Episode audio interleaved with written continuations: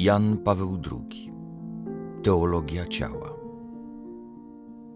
Ciało niepoddane duchowi rozbija jedność człowieka jako osoby. Rozważania, które prowadzimy we środy w czasie audiencji generalnych, skupiają się teraz wokół tych słów Pana Jezusa z kazania na górze, które mówią o pożądaniu jako o cudzołożeniu w sercu. I dlatego też staramy się analizować, co to znaczy pożądanie i pożądliwość w znaczeniu biblijnym.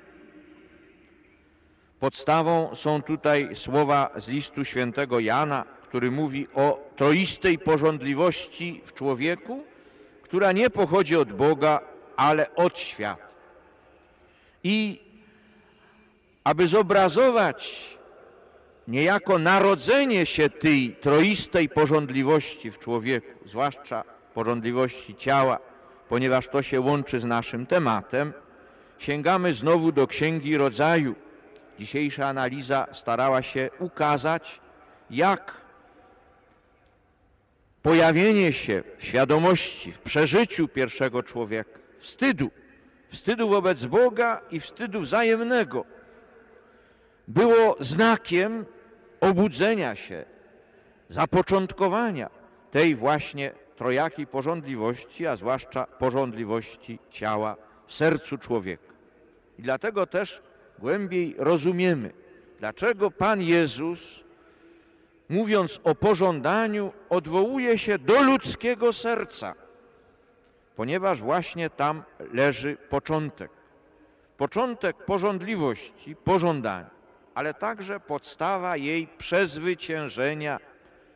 I tutaj trzeba zwrócić uwagę na wielkie znaczenie wstydu, który pomaga człowiekowi przezwyciężyć to, co jest porządliwością pierwotną, dziedziczną w jego człowieczeństwie całym, w szczególności w jego ciele. To jest pokrótce treść dzisiejszego rozważania. Będziemy to kontynuować w dalszym ciągu.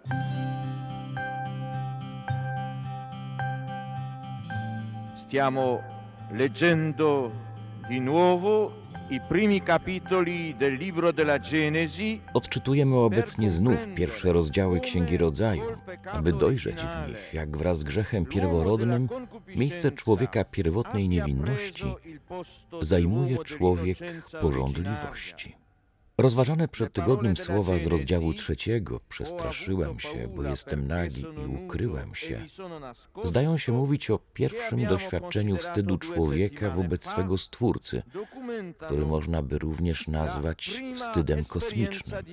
Jednakże ów wstyd kosmiczny, jeśli można się dopatrzyć jego rysów w całokształcie sytuacji człowieka po grzechu pierworodnym, ustępuje w opisie jachwistycznym miejsca innej formie zawstydzenia. Jest to zawstydzenie samym człowieczeństwem, zawstydzenie wewnętrznym odejściem od tego, przez co człowiek w samej tajemnicy stworzenia stanowił obraz Boży, zarówno w swym osobowym ja, jak też w międzyosobowej relacji, przez pierwszą komunię osób, jaką stanowili oboje, mężczyzna i kobieta. Owo zawstydzenie samym człowieczeństwem jest równocześnie immanentne i relatywne. Ujawnia się w wymiarze ludzkiego wnętrza i równocześnie odnosi się do drugiego. Jest to wstyd kobiety wobec mężczyzny i zarazem mężczyzny wobec kobiety. Wstyd wzajemny, który przymusza ich do okrycia swej nagości, do ukrycia przed sobą swych ciał do odcięcia od wzroku mężczyzny tego, co stanowi widzialne znamie kobiecości, a od wzroku kobiety tego, co stanowi widzialne znamie męskości. W tym kierunku naprzód poszedł wstyd obojga po grzechu pierworodnym, gdy poznali, że są nadzy, jak o tym świadczy Księga Rodzaju, rozdział trzeci, werset siódmy. Tekst jachwistyczny zdaje się jednoznacznie wskazywać na charakter seksualny owego wstydu, Spletli więc gałązki figowe i zrobili sobie przepaski. Możemy natomiast pytać, czy charakter seksualny wstydu oznacza tylko jego charakter relatywny. Innymi słowy, czy jest to wstyd własnej płciowości tylko w odniesieniu do człowieka innej płci. Sebbene alla luce di quell'unica frase determinante di Genesi, O ile odpowiedź na to pytanie w świetle tego jednego, niewątpliwie kluczowego zdania Księgi Rodzaju, rozdział trzeci, werset siódmy, wydaje się przemawiać nade wszystko za takim właśnie relatywnym charakterem owego pierwotnego wstydu, o tyle refleksja nad całym bezpośrednim kontekstem pozwala wykryć jego bardziej immanentne podłoże. Wstyd, który manifestuje się niewątpliwie jako seksualny, ujawnia swoistą trudność utożsamiania się z własnym ciałem, trudność niedoznawaną w stanie pierwotnej niewinności. Tak właśnie można rozumieć słowa przestraszyłem się, bo jestem nagi, które ujawniają owoc drzewa poznania dobra i zła wewnątrz człowieka. Odsłania się poprzez te słowa jakby konstytutywne pęknięcie wewnątrz ludzkiej osoby, jakby rozbicie pierwotnej duchowo-cielesnej jedności człowieka.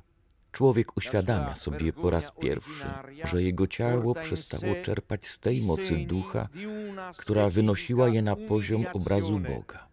Jego pierwotny wstyd nosi znamiona swoistego poniżenia przez ciało. Kryje się w nim zalążek owego przeciwieństwa, które towarzyszyć będzie człowiekowi historycznemu w całej jego dziejowej wędrówce. Pisze święty Paweł: Wewnętrzny człowiek we mnie ma upodobanie zgodne z prawem Bożym.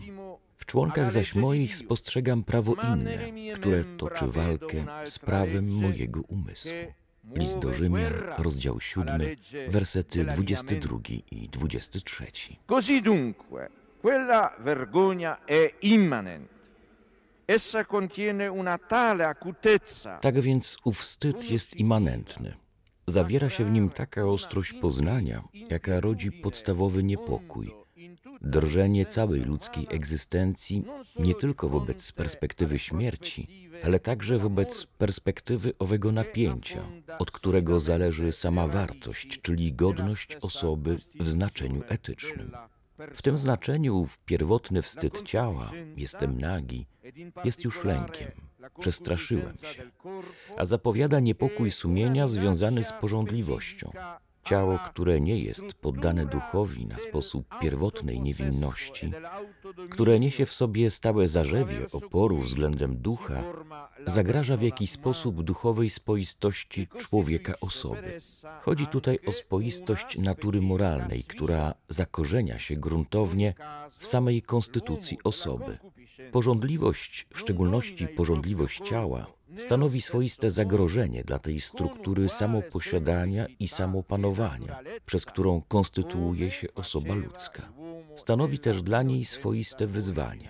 W każdym razie człowiek porządliwości nie panuje nad swoim ciałem w taki sposób, z taką prostotą i naturalnością, jak człowiek pierwotnej niewinności.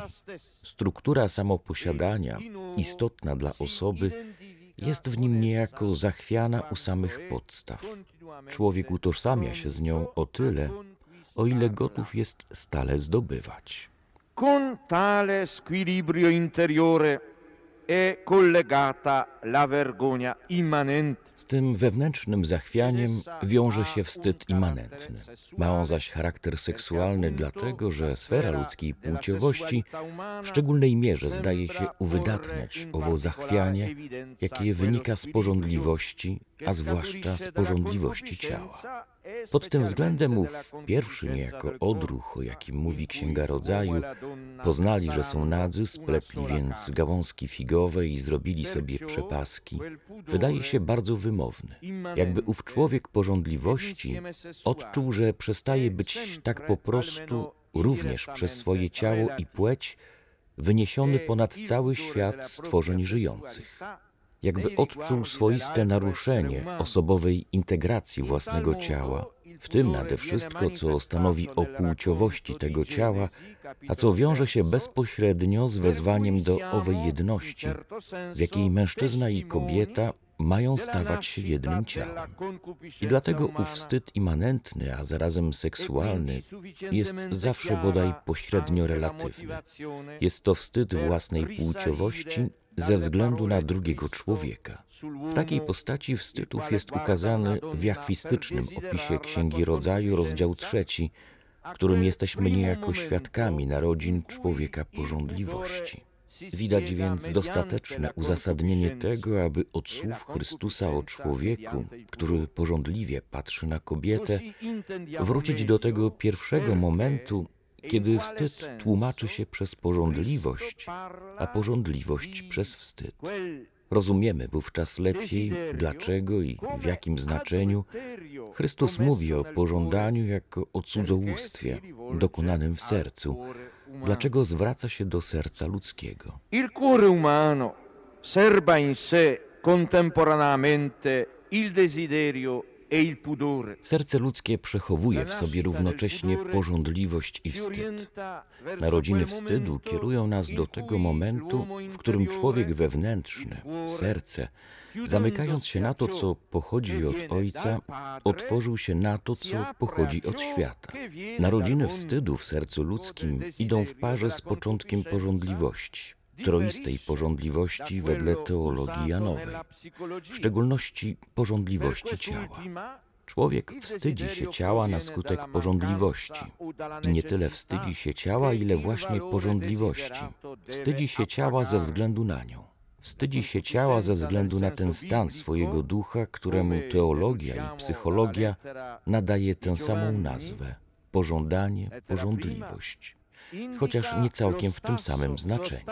Biblijne i teologiczne znaczenie pożądania, pożądliwości różni się od tego, z jakim spotykamy się w psychologii. Dla tej ostatniej pożądanie wynika z braku lub potrzeby, co wartość pożądana ma zaspokoić. Biblijna pożądliwość, jak wnosimy z pierwszego listu świętego Jana, wskazuje na stan ducha ludzkiego odsuniętego od tej pierwotnej prostoty i pełni wartości, jaką człowiek i świat mają w wymiarach Boga. Taka właśnie prostota i pełnia wartości ludzkiego ciała w pierwotnym przeżyciu jego męskości i kobiecości, o której mówi Księga Rodzaju, doznała z kolei w wymiarach świata radykalnego przeobrażenia. Wówczas to w parze z porządliwością ciała narodził się wstyd. Il pudore ha un duplice significato. Indica Wstyd ma znaczenie podwójne. Wskazuje na zagrożenie wartości i równocześnie wartość tę wewnętrznie chroni.